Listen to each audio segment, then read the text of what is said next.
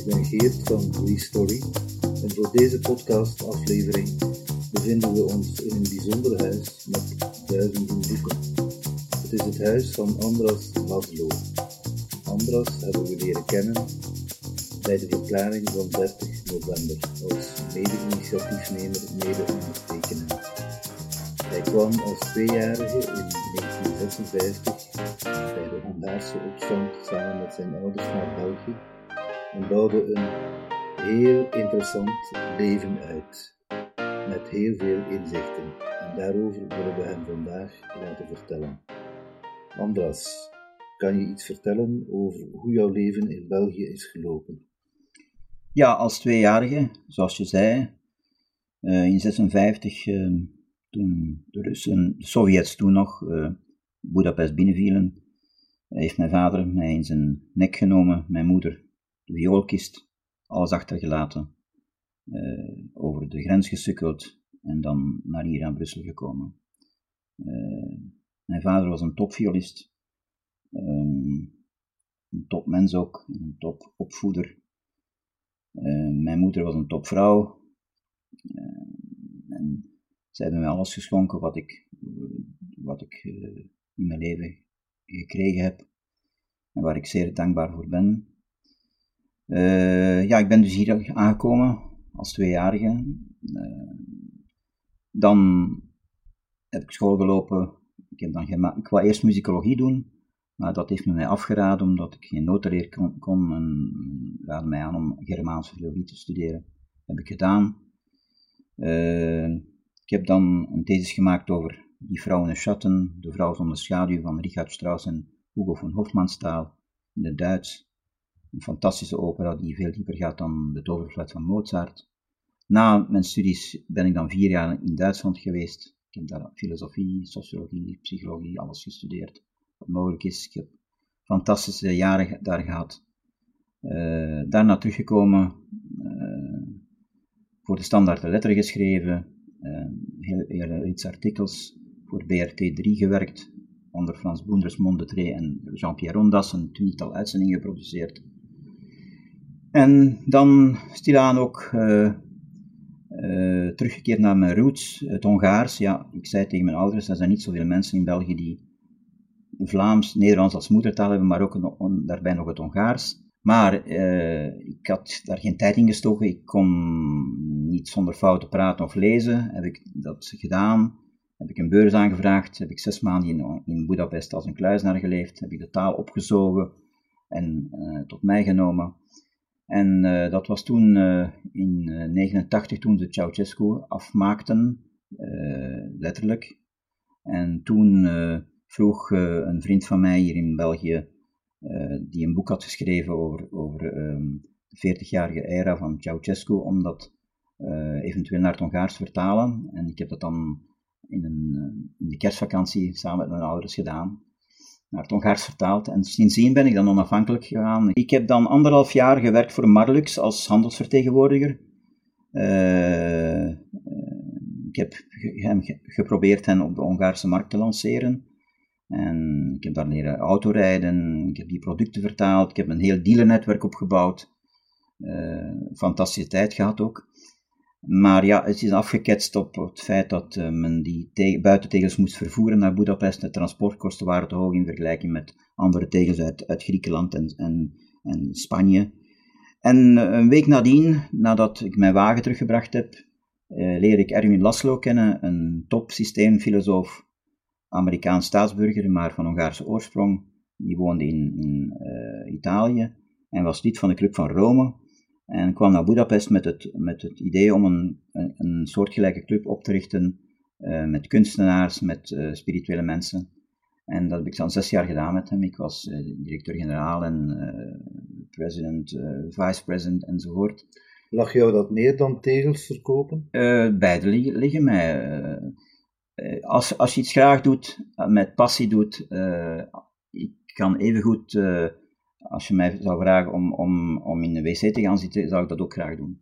Want dat is ook een belangrijk beroep. Ieder, beroep is een schakel.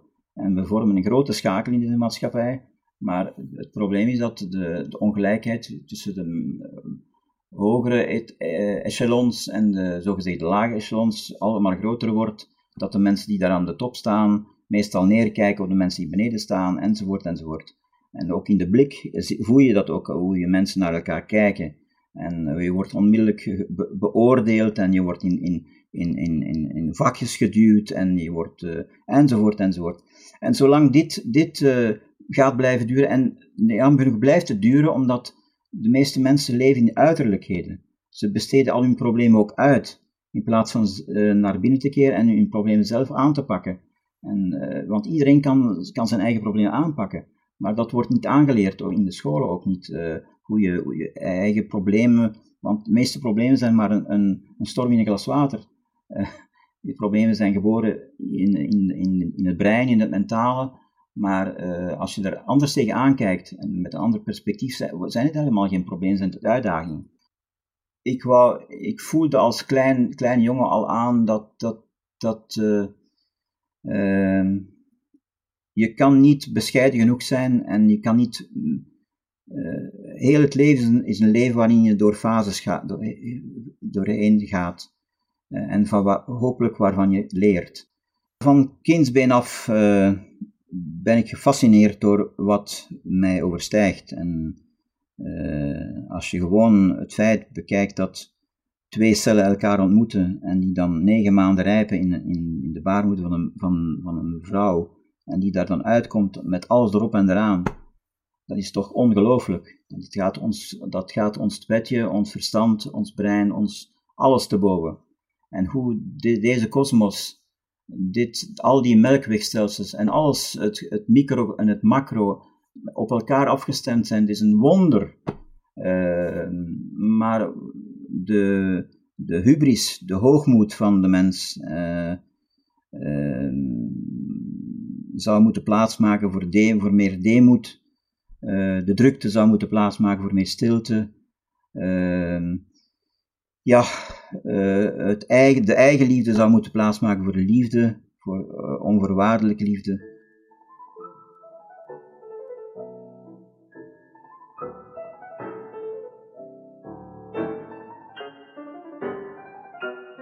Ik val bijna uit mijn stoel altijd als men zegt, ja, binnenkort gaan we weer naar, naar, het, naar het oude normaal.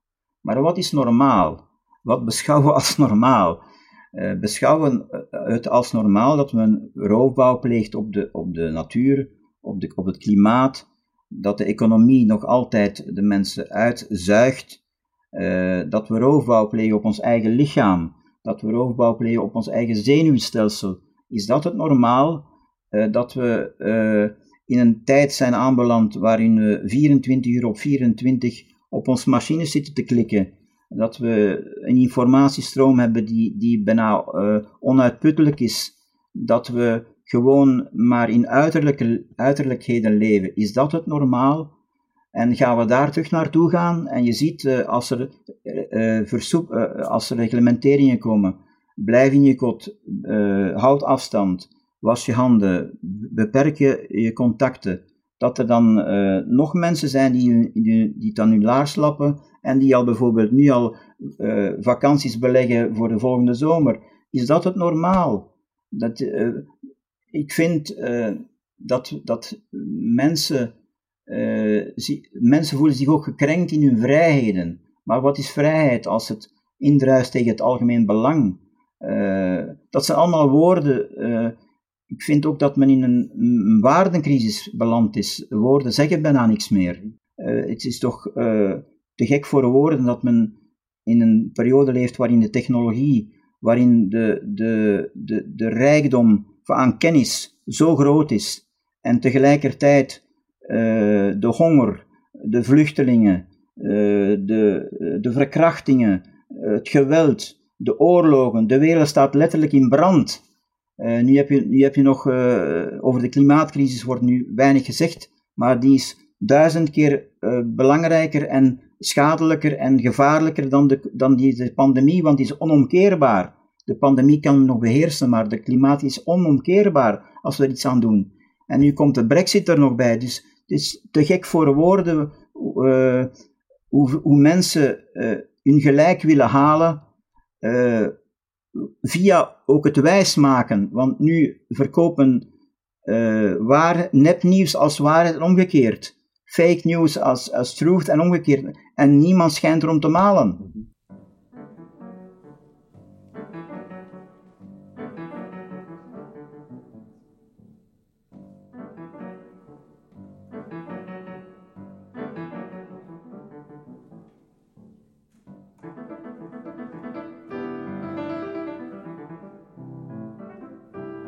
Het goede nieuws is dat de mensen mondiger worden. Uh, ook de jeugd wordt mondiger. Uh, de jongeren voelen steeds meer aan dat het anders moet. Uh, veel mensen komen in opstand tegen het systeem ook. de politiek is ook een, een, een systeem dat, dat zich aan het vastrijden is, in los zand. Het is denk ik aan de orde en hoog tijd dat mensen tot stilstand komen in deze drukte. Als de mens niet tot stilstand komt en niet tot inkeer komt en niet tot bezinning komt dat hij niet de heerser van deze planeet is. Het is geen antropocentrisme. Het, het, het verschil tussen natuur en de mens is heel eenvoudig. Wij leven van de natuur, maar de natuur heeft ons niet nodig om verder te leven. En zal nog jarenlang verder leven als wij er al niet meer zijn. En er is maar één zekerheid, we gaan allemaal in de grond. Allemaal. En de andere zekerheid is, we komen met zoveel op de planeet, met, met nul, en we gaan met nul weg. Dus wat, wat doen we ondertussen? Producten verzamelen, uh, consumeren, geld verdienen, en we, we pakken niks mee. Dus uh, dat, dat zijn... Maar waarom ik optimistisch ben, is dat, ja, wij zijn bijna het, het verleden, maar de, de, toekomst is, is aan de jeugd. En uh, uh, meer en meer mensen, zoals ik daar net al, ook al zei, zijn mondig. Ook uh, ondernemers beseffen dat het anders moet. ook spiritualiteit komt ook in het zakenleven meer en meer aan bod. Um, ook de kunstwereld manifesteert zich meer en meer. Dus, er zijn heel veel boeken die verschijnen over andere narratieven jullie zijn ook een, een, een, platform dat een ander narratief wil aanbrengen. Een narratief dat, dat warmte uitstraalt, dat, dat uh, iets te zeggen heeft en dat niet tegen de sterren oplult, zoals, uh, zoals meeste uh, zogezegde onderzoekers en, en experten, ik noem ze, om, om het oneerbiedig te noemen, de lullologen. Er zijn veel experten die lullen, ik noem ze, de, want er zijn veel logen nu, expertologen. ja, wat, wat, ook, wat, ook, wat ik mis is, en uh, we, leven in, we leven in een maatschappij, maar we leven niet in een samenleving. Uh, dat wordt weer, die slogans worden gebruikt, laten we het samen doen, laten we samenwerken, laten we het samenleggen. Maar als puntje bij paaltje komt, werken mensen niet graag samen. Want iedereen zit nog in zijn eigen kokon. Iedereen denkt dat hij zijn eigen product moet verkopen, aan de man brengen. Iedereen heeft zijn eigen doelpubliek. Iedereen heeft zijn eigen boeken die, voor, hij schrijft voor het doelpubliek. De mens is niet gemaakt om een andere mens te domineren en om over, over iemand anders te regeren. Een mens komt op, de, op, de, op deze aardbol om zijn, haar potentieel te ontwikkelen in samenspraak, in samenzijn met anderen. Uh, zo eenvoudig is het en uh, uh, zo eenvoudig zou het moeten zijn. Er zijn zoveel energieën die niet benut worden uh, men praat over de energietransitie, bijvoorbeeld. Dat is een belangrijk thema. Maar uh, heeft men oog voor zijn, voor zijn eigen energie, energetisch huishouden in zichzelf, aan de emoties die men heeft, aan de negatieve emoties die men dagdagelijks uh, najaagt. Bijvoorbeeld, er zijn studies verschenen en meer dat naar gelang van de frequentie die je hebt, van 20 MHz naar 700 MHz, heb je onderaan heb je schaamte, heb je schuldbesef, apathie, droefheid, vrees, angst, verlangen, boosheid, trots. Als je opklinkt heb je moed, heb je, heb je wilskracht, heb je aanvaarding, vergeving. Dan heb je begrip, dan heb je liefde, dan heb je uh, blijheid, dankbaarheid, dan heb je vrede, verlichting. Maar de meeste mensen leven van, uh, met, met, uh, van 175 naar beneden. Zij zijn out of zij leven uit hun zone. Daarom zijn vastgeroest in negatieve emoties. Uh, daarom zijn ze ook hyper, hyperventilerend en inert. Dus uh, daar, wordt ook, daar wordt weinig over gezegd. In de scholen wordt weinig gezegd over het lichaam, hoe het lichaam weinig gezegd over de gezondheid, uh, wordt weinig gezegd over, over, uh, over hoe je gevoelens moet uiten, hoe je daarover moet praten. Uh, de, de kinderen worden opgevoed als robotten. Dit, is, dit past allemaal in een systeem. En het systeem is, is gecreëerd om het systeem in stand te houden. en zolang je het systeem niet van binnenuit kan en wil veranderen, uh, je, ziet hoeveel commissies er zijn, hoeveel draaiboeken er zijn, hoeveel protocollen er zijn. In dit land heeft men hoeveel ministers van, van, van gezondheid? Acht of negen. Hoeveel ministers van, van onderwijs? En um, er zijn zoveel conferenties, uh, Zoom-conferenties, maar er is geen. Ik heb het. als je bijvoorbeeld een driehoek hebt, met onderaan heb je informatie. Bovenaan heb je data, big data. Bovenaan heb je weten, kennis. En het topje van het drie heb je wijsheid. Als iedereen of één ieder vanuit zijn wijsheidspotentieel zou denken, voelen en handelen, in plaats van uit zijn de drie onderste regionen, dan zou de wereld er een beetje beter uitzien. Want we, we, leven toch met elkaar, iedereen is gelijk voor de wet. We hebben dezelfde gevoelens, iedereen doorleeft diezelfde gevoelens. En uh, mijn drijfveer is altijd geweest liefde, harmonie en schoonheid.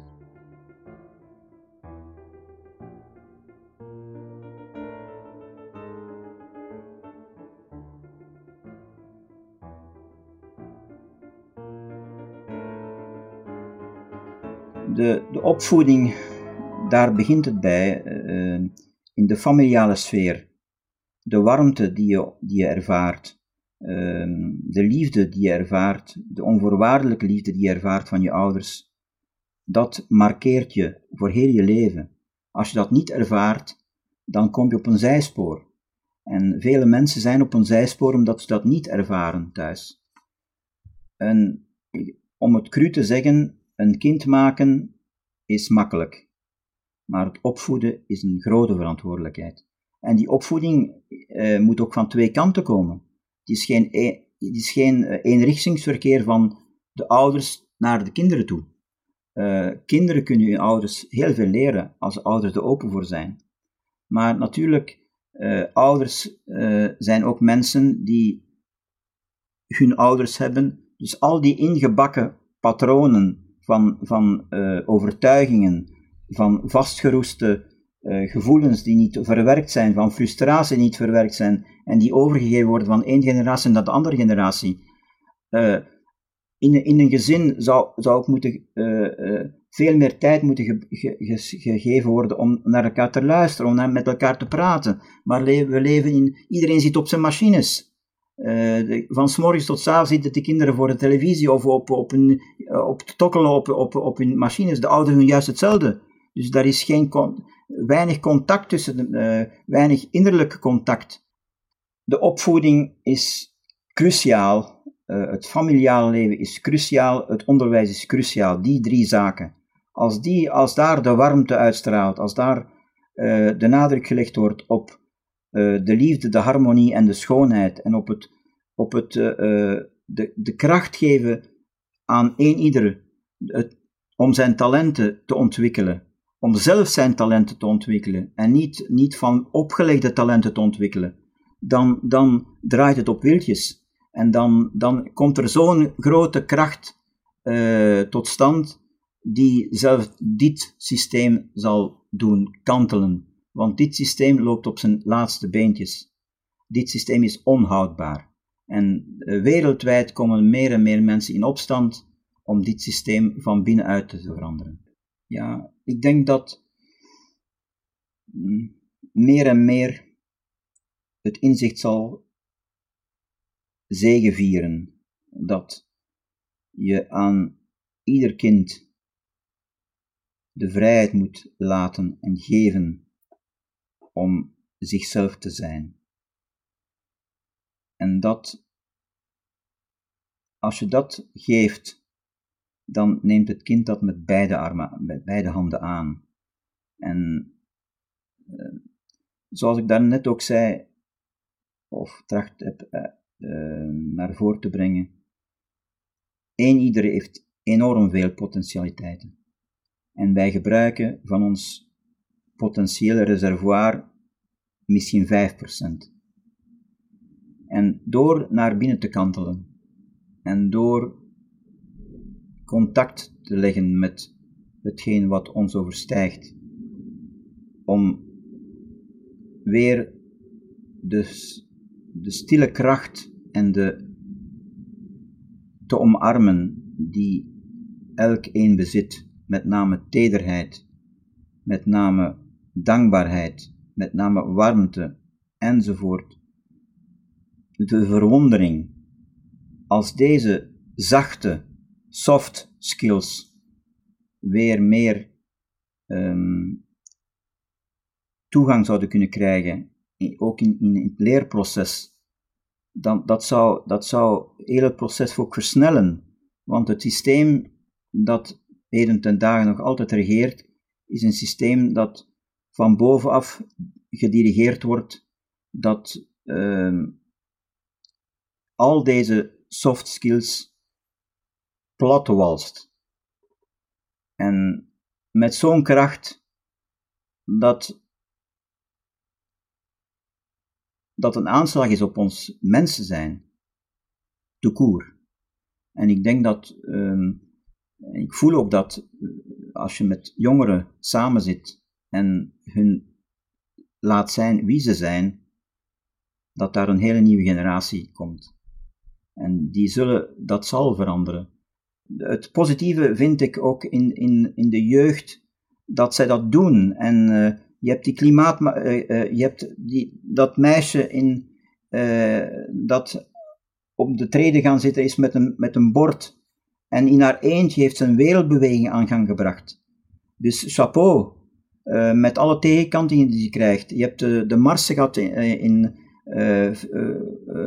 in, in België kinderen en, en scholieren die op straat komen en die de, het systeem aan, de, aan, aan de, de beleidsmakers willen duidelijk maken dat er, dat er anders moet ge, en geregeerd worden, anders moet geageerd worden, anders moet gehandeld worden en geluisterd moet worden, in plaats van elke keer mensen in, in een hok te steken. Um, dat stemt mij uh, enorm uh, positief en uh, ja,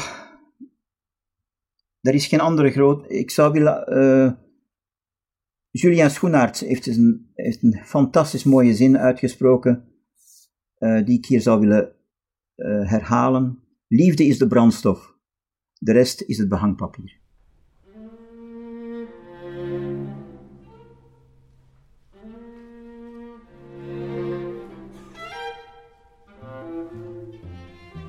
Is een mooie gedicht dat ik zou willen voorlezen. De vier kaarsen. Heel langzaam brandden de vier kaarsen. De omgeving was zo rustig dat men ze kon horen spreken. De eerste kaars zei: Ik ben de vrede. Niemand kan mij beletten dat ik uitdoof. Haar vlammetje werd steeds kleiner en doofde uit. De tweede kaars zei: Ik ben het vertrouwen. Meestal kan ik gemist worden, dus heeft het geen zin meer dat ik blijf branden. Wanneer zij klaar was met praten, kwam er een zuchtje en ook deze kaars doofde uit. Op haar beurt sprak de derde kaars. Ik ben de liefde. Ik heb de kracht niet gekregen om te blijven branden. De mensen negeren me. Ze vergeten zelfs hun naasten te beminnen. Ook zij wachtte niet langer en doofde uit. Plots kwam er een kind aan en zag de drie gedoofde kaarsen.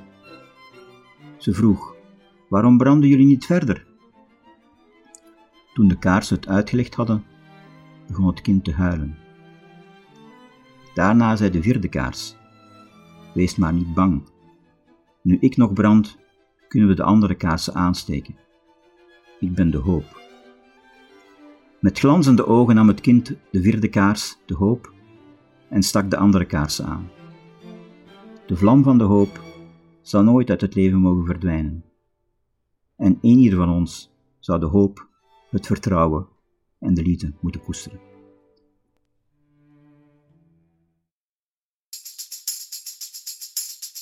Dit was een nieuwe aflevering van de podcast van Restory. Voor meer verhalen kunt u terecht op de website www.restory.be.